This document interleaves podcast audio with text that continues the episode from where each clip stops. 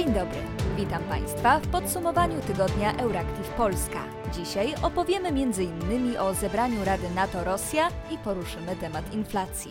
Nazywam się Patrycja Gosk, a w wirtualnym studiu jest również Bartosz Sieniawski. Wydawczynią podcastu jest Kinga Wysocka. Po ponad dwóch latach przerwy, 12 stycznia w Brukseli zebrała się Rada NATO-Rosja. Zwołano ją w związku z eskalacją napięcia wokół Ukrainy, po tym jak Rosja zgromadziła około 100 tysięcy swoich żołnierzy u ukraińskich granic. Spotkanie trwało 4 godziny i nie przybliżyło rozwiązania impasu w relacji państw. Między NATO i Rosją są znaczące różnice, jeśli chodzi o tę sprawę. Przyznał przewodzący spotkaniu sekretarz generalny NATO Jens Stoltenberg, dodając, że różnice te nie będą łatwe do pokonania. Wyraził jednak zadowolenie, że wszyscy członkowie NATO i Rosja usiedli przy jednym stole i zaangażowali się w merytoryczną dyskusję. Państwa członkowskie sojuszu są reprezentowane przez swoich akredytowanych przy kwaterze głównej ambasadorów, ale USA przysłały zastępczynię sekretarza stanu Wendy Sherman, zaś Rosja wiceministra spraw zagranicznych Aleksandra Gruszko. Główną osią rozmów była przedstawiona w połowie grudnia przez Rosję propozycja nowego paktu o bezpieczeństwie. Jego budzące najwięcej kontrowersji zapisy to żądanie, aby NATO prawnie zobowiązało się do zablokowania drogi do akcesji Ukrainie i Gruzji oraz nie rozszerzyło się już więcej w kierunku wschodnim. Moskwa chciała także zmniejszenia natowskiej obecności wojskowej w rejonie Europy Środkowo-Wschodniej, czyli na tzw. Tak wschodniej flance sojuszu, a także uzgadniania z nią organizowanych w tym regionie ćwiczeń oraz rozmieszczania tam wojskowego sprzętu oraz wojskowych instalacji. Podobne propozycje Rosja złożyła także wobec USA. Waszyngton odrzucił rosyjskie żądania. NATO także przesłało do Moskwy swoją odpowiedź, której treści nie ujawniono, ale z wypowiedzi przedstawicieli państw natowskich wynikało, że sojusz także nie zamierza przystać na zaproponowany przez Rosję nowy pakt. Wezwano także Rosję do wycofania swoich sił z Gruzji, Kazachstanu i Ukrainy. Istnieje ryzyko kolejnego konfliktu zbrojnego w Europie, ocenił Stoltenberg. Mamy oczy otwarte, dlatego przekazaliśmy Rosji, że jeśli ta użyje siły militarnej, musi się liczyć z poważnymi konsekwencjami, sankcjami gospodarczymi i politycznymi, oznajmił. Stoltenberg odniósł się też do ostatnich żądań Rosji wobec NATO, aby sojusz zrezygnował z dalszej ekspansji w kierunku wschodnim, a także cofnął się do stanu według granic z 1997 roku poprzez wyprowadzenie infrastruktury wojskowej m.in. z Polski i państw bałtyckich. Podczas środowego spotkania Moskwa miała powtórzyć te postulaty. W odpowiedzi sekretarz generalny NATO powołał się na natowską politykę otwartych drzwi, jasno dając do zrozumienia, że sojusz z niej nie zrezygnuje. Dodał, że Rosja nie ma prawa weta wobec decyzji NATO o przyjmowaniu nowych członków i wobec decyzji innych państw, by ubiegać się o to członkostwo. Możemy dyskutować o wielu sprawach, ale nie pójdziemy na kompromis w kwestiach dotyczących podstawowych zasad, zaznaczył Stoltenberg. Jak stwierdził, polityka otwartych drzwi NATO nie oznacza bynajmniej, że sojusz przyjmuje agresywną postawę. Wbrew oczekiwaniom Rosji, Jens Stoltenberg nie wykluczył dodatkowego wzmocnienia wschodniej flanki NATO i skierowania dodatkowych sił na tereny wschodnich państw sojuszniczych. This crisis is a, is, is, is a making of Russia. And therefore it is important that they de-escalate. Uh, Ukraine has the right to self-defense. Uh, that's enshrined in the UN uh, uh, founding charter, and of course some NATO allies, well, NATO allies and NATO help them to uphold that right to, to self-defense. Jeśli Rosja po raz kolejny zaatakuje Ukrainę, musimy poważnie zastanowić się nad potrzebą dalszego zwiększania naszej obecności we wschodniej części sojuszu, ocenił. Norweg poinformował też, że NATO złożyło Rosji propozycję dotyczącą kolejnych spotkań dotyczących różnych kwestii, m.in. wzajemnej weryfikacji limitów pocisków w Europie. Według Stoltenberga Rosja dawała do zrozumienia, że nie jest na takie spotkania gotowa.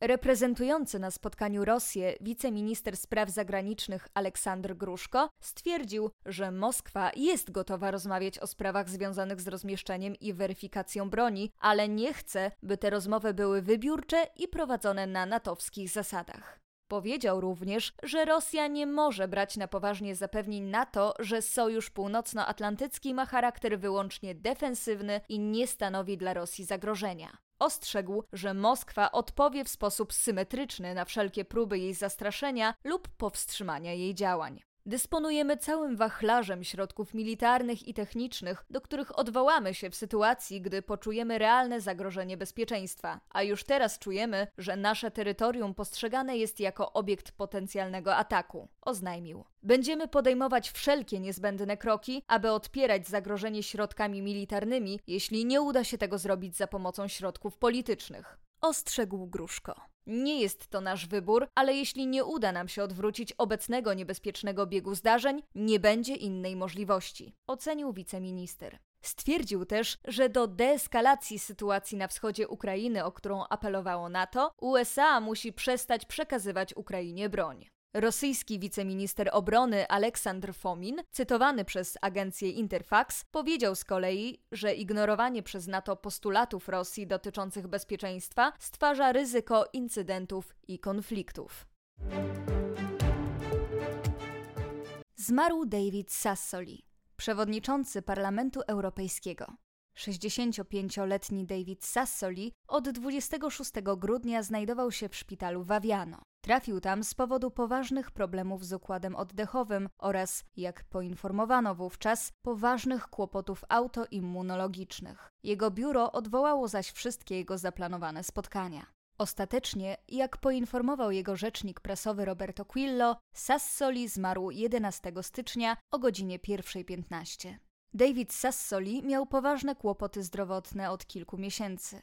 We wrześniu trafił do szpitala w Strasburgu z powodu bardzo poważnego zapalenia płuc. Nie było ono jednak związane z infekcją koronawirusem SARS-CoV-2.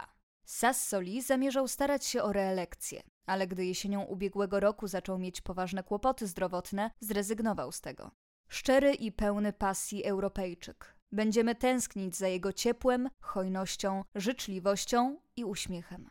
Napisał na Twitterze o Sassolim przewodniczący Rady Europejskiej Charles Michel. Jestem głęboko zasmucona odejściem wielkiego Europejczyka i dumnego Włocha. Napisała z kolei przewodnicząca Komisji Europejskiej Ursula von der Leyen.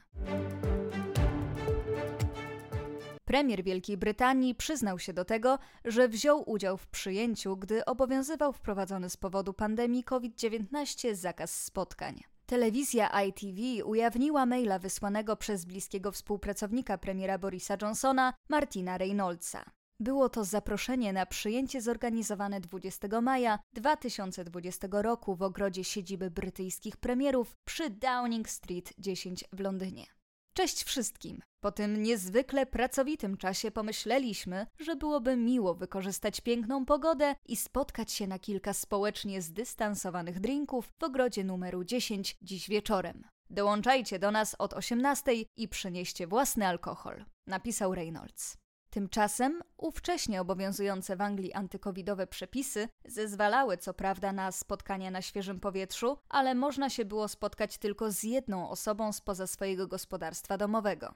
Nad głową premiera zbierają się coraz czarniejsze chmury, a krytyka płynie z ust nawet członków jego własnej partii. Spadają także notowania całej partii konserwatywnej, która według sondażu YouGov ma już 10 punktów procentowych straty do partii pracy.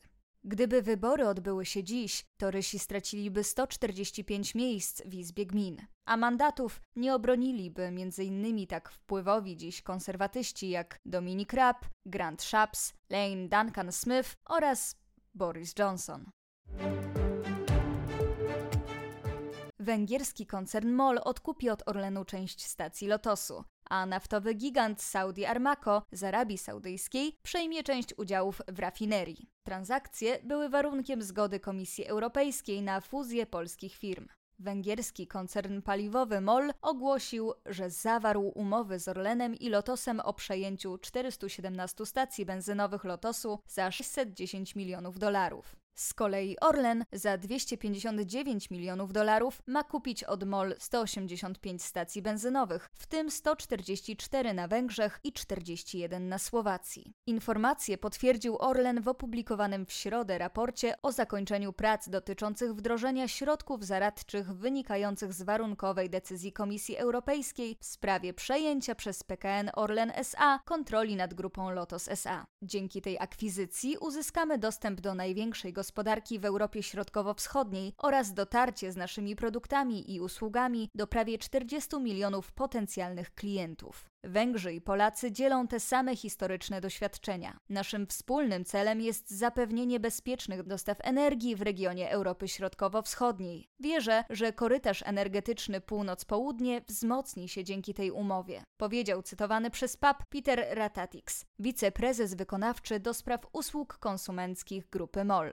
Do końca tego tygodnia Orlen ma przedstawić komisji do zatwierdzenia projekty umów w sprawie Lotosu. Umowa wymaga zatwierdzenia przez Komisję Europejską w ramach planu przejęcia Lotosu przez Orlen. Zgodę na taką transakcję Bruksela uzależniła od przejęcia przez Orlen Lotosu.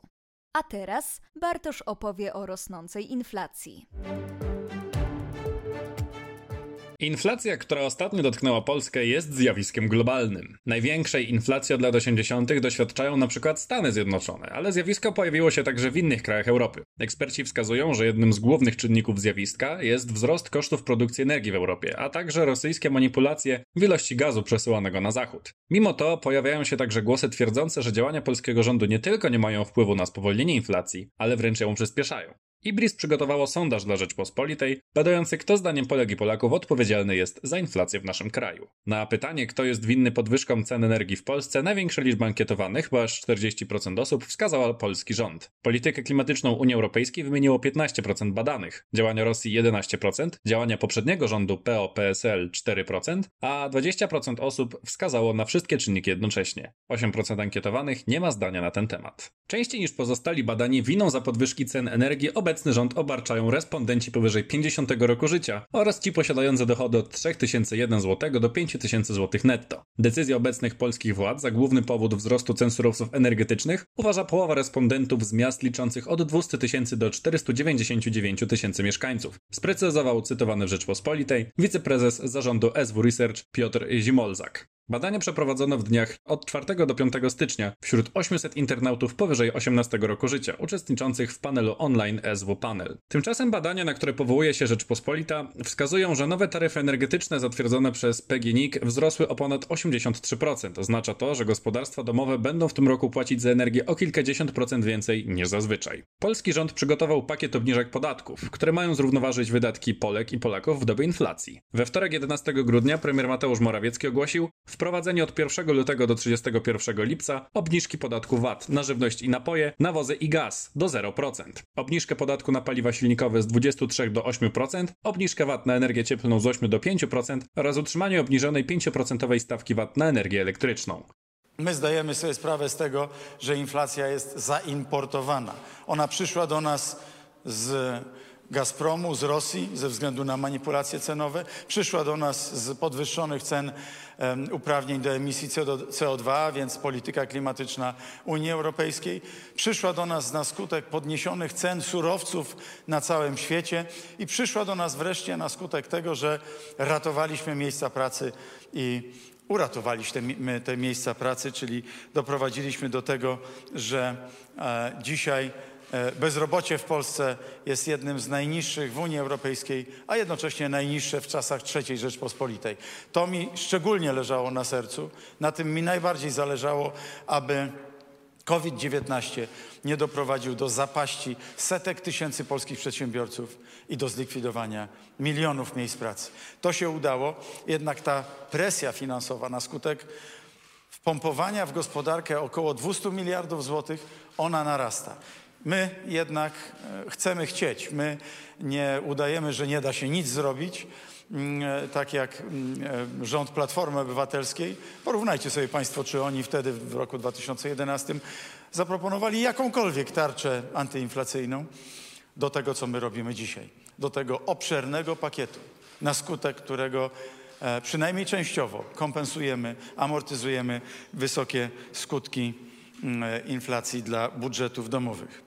Rada Polityki Pieniężnej także postanowiła działać na rzecz spowolnienia inflacji na początku stycznia i podniosła stopy procentowe. Poziom głównej stopy referencyjnej przekroczył 2% i jest najwyższy od 2014 roku. Jak wskazują niektórzy eksperci, obecnie panującą w Polsce inflację potęguje oparcie polskiej energetyki głównie o energię wytwarzaną za pomocą paliw kopalnych. Nie mając żadnych większych alternatyw dla węgla, możemy skazać się na wysokie stawki opłat emisji CO2, przez które ceny codziennych produktów mogą wciąż rosnąć. Tymczasem budowa pierwszej w Polsce elektrowni atomowej zapowiedziano została na 2033 rok.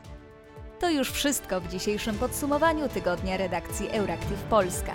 Życzymy Państwu udanego weekendu.